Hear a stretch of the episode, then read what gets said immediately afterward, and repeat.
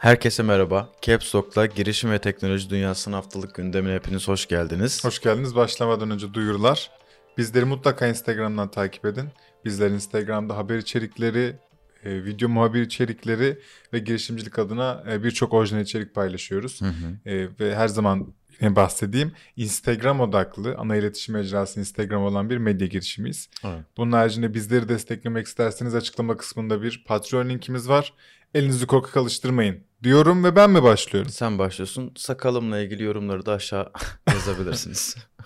Daha güzel olmuş değil mi? Deyip ben de Yönlendirme manipüleyle yapmıyoruz. tamamdır. Sohbet temelli tanışma uygulaması olan Blu-ray 2 milyon lira değerlemeyle yatırım aldı. Hı hı. Yatırımı Alesta yatırımdan aldı. İsmiyle de çok uyuşan bir şekilde Blu-ray senle ben e, uygulamayı yükledik. Orada bize birkaç soru soruyor. Bu soruya göre bizim kişilik analizimizi yapıyor diyor ve bizi e, karşı karşıya götürüyor, matchliyor. Biz seninle matchledikten sonra profillerimiz blurlu. Hı hı. Resimlerimizi göremiyoruz, Peki bilgileri karşı göremiyoruz. cinsle mi meçleşiyoruz? Artık onu bilmiyorum. Büyük Ha. karşı hem cins artık hani tercihin her kimse ve neyse. Ardından biz konuşmaya başladıkça ve sohbet ilerledikçe blur azalıyor ve profiller Allah. gözüküyor. Evet. Hmm. Ya bu e, yanlış hatırlıyorsam lütfen bana arkadaşlar yorumlarda belirtsin. Scorp Who'ya döndü. Hı hı. E, ve Who da sanki bunun aynısının görüntülüsünü yapıyordu gibi hatırlıyorum. Sen video chat Sesli yapıyorsun. başlıyor diye baş... Blurlu ya da ya sesli ben. başlıyordu sonra görüntü ekliyordu ya da blurlu görüntü sonra e, açılıyordu gibi. E, ama sohbet temelli bence daha bana kalırsa ben eğer single olsaydım sohbet temelli birinin böyle görünüşüne göre yargılamaktansa sohbetine göre biriyle tanışmayı daha yeğlerdim Kesinlikle açıkçası. görünüşüne göre yargılardım. Biliyorum. Kısaca planlarından da bahsedeyim. Çok yeni bir girişim. Ee, pazarlama için kullanacaklar bu parayı. De, olabildiğince fazla kullanıcı edinecekler. Ardından da global açılma gibi bir e, fikirleri var. Manitacılık kazanacak mı? Her zaman. Ömer abiye de buradan selamlar deyip e, çok çok hayırlı olsun. Hayırlı olsun. Ee, benim gerçekten bu kadar renkli bir e, yatırım haberim yok. Ama güzel bir yatırım haberi var. Güzel bence de. Ee, FIBA Bank'ın 2018'de hayata geçirdiği Finberg ilk yurt dışı yatırımını yaptı. Bunu da Investor yaptı abi. Hiç sesli harf yok. Üzgünüm. Mr. Investor'a yaptı. bir Rus girişimi olduğunu tahmin ediyoruz ama aslında e, İngiltere merkezli bir Evet. girişim. Ee, ne yapıyor diye baktığımızda da insanların e, yatırımla ilgili gerçekten bilgi çöplüğü var, bilgi eksikliği var. Bunu her yerde hep duyuyoruz ve farkındayız da aslında. Bunlar da e, sana yatırım eğitimini biraz e, oyun oyun şeklinde veriyorlar. Bu bu bence gerçekten güzel. Çünkü işin içinde oyun olunca her zaman tabii oyun deyince böyle briu rengarenk bir dünya olmasa da aynen bir Evet. oyunlaştırma var. Daha mantıklı. Aynen. Bu e, şekilde size yatırım yapmayı öğretiyorlar. Hayırlı olsun. Bu arada ilk yabancı yatırım diyoruz ama kurucusu Türk. Evet. Investor'ın. Evet. Ama Investor direkt orada kurulmuş. O yüzden yap, yurt dışı yatırım olarak değerlendirebiliriz. Tabii tabii ger- öyle canım. Sadece kurucusu Türk. Çok Aynen. çok hayırlı olsun. Ee, bir işbirliğinden bahsedeceğim ben de.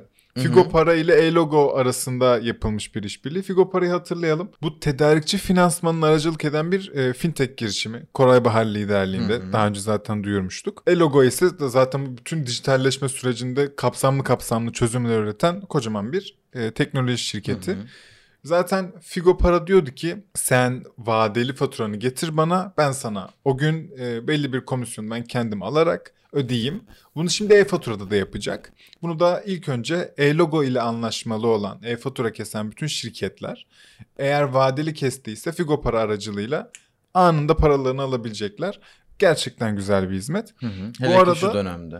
E, aynen. Bunu bu şimdi bu hafta e, evet basına duyuruldu. Ama duyurulmasından bir gün önce Clubhouse'da Koray Bahar bunu bir çıtlatmıştı kendi konuştuğu e, grupta. Grupta da şunu söyledi. E-logo ile başlayacak ancak diğer bütün bu entegratör şirketlerle paraşüt gibi ve benzeri e, hepsiyle anlaşarak aslında o e-fatura tarafını da komple e, kapsayacaklar. Hı hı. Bence hem bu işbirliği yapan iki şirkete hem de biz girişimlere, kobilere ve şirketlere hayırlı olsun Hı diyeyim. hı. Teşekkürler. Şimdi globalde oyun sektöründen bir satın alma haberi var. Hepimizin bildiği Fortnite'ın geliştiricisi Epic Games, Fall Guys'ın geliştiricisi Mediatonic'i satın almış. Aynen. Yani ne kadara satın aldığına dair bir bilgi yok ama e, Fall Guys ben bilmiyordum çok özür dilerim. Anladığım kadarıyla ama büyük ve önemli Tabii bir tabii, oyun. Şu an bayağı viral Poppy. olan bir oyun. Tabii Aha, çok pop. popülerden biri anladığım kadarıyla. E, çünkü böyle tanımlanıyor, böyle isimlendiriliyor şirket. Sadece şaşırdığım şey bayağı büyüklermiş. Hı hı. Yani stü- stüdyoda aktif 230 kişi çalışıyormuş. Hı hı. Yani satın alma miktarı açıklandığında eğer açıklansa da uuu falan Tabii güzel verdik. güzel muhtemelen. paraya Bayağı güzel paraya gitmişlerdir. Hayırlı olsun diyelim bakalım. Hayırlı olsun. Bu da epey anmadan geçmediğimiz bir hafta olmasını istedik. Diğer bir haber yine bir satın alım.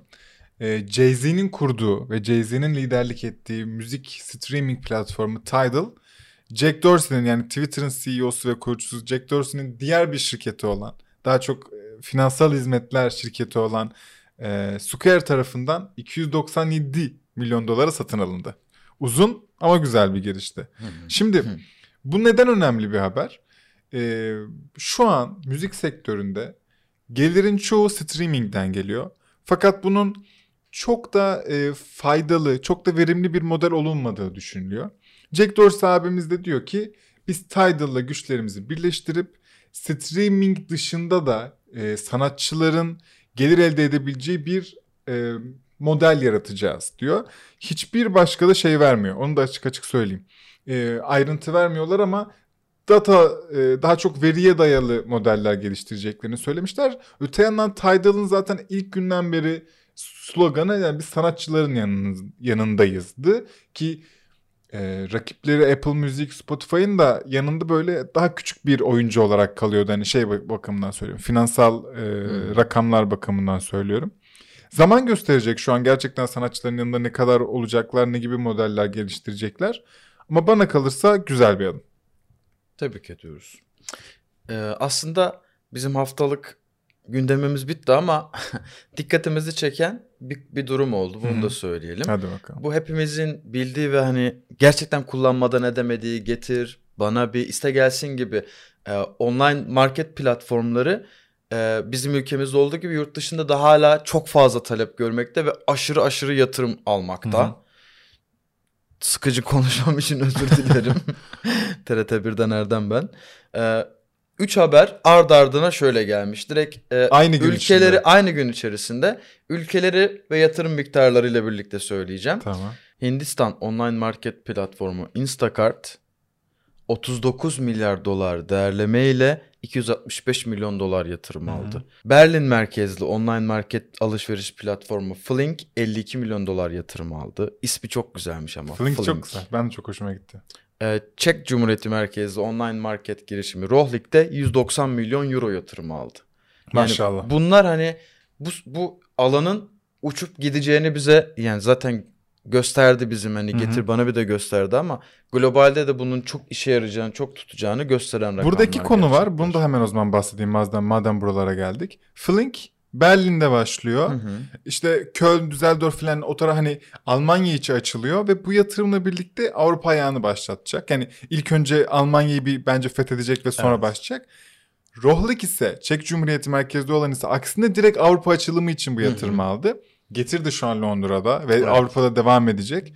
Yani şu an Avrupa pazarı için dişe diş bir eee, ne denir ona? Çatışma var mı Çatışma diye. var. Ya bizim ülkemizde de ne kadar domine edilmiş olarak gözüküyor olsa da hala yeni yeni isimler giriyor yani Ve- pazara. Ve kuryelerini görüyoruz. Çatır Evet. çatır insanlar Rengarenk her yer renkli renkli Çok motor güzel oldu. doldu.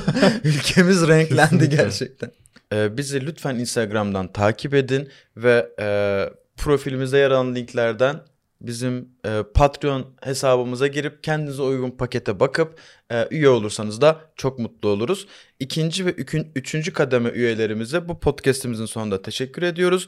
Umut da şimdi onların ismini sayarak teşekkür edecek. Aynen öyle. Başlıyorum. Teamfluencer, Akın Arslan, Lokman Ökten, Ahmet Tosun, Mücahit Köse, Oplok, Görkem, Balcı, Serkan Kocaman, Yahya Ekinci, Ercan Pilcioğlu, Eytan Nahmiyaz, Nur Sevencan, Koray Bahar, Aren Ünal, Mustafa Namoğlu. Özgü Öz ve Yusuf Yıldız. Destekleriniz çok önemli. Çok teşekkür ederiz. Çok sağ olun. Bu hafta Kısa ve öz bir haftaydı Aynen. diyelim. önümüzdeki hafta yine görüşürüz. Kendinize iyi bakın. İyi bakın bay bay. Bay bay.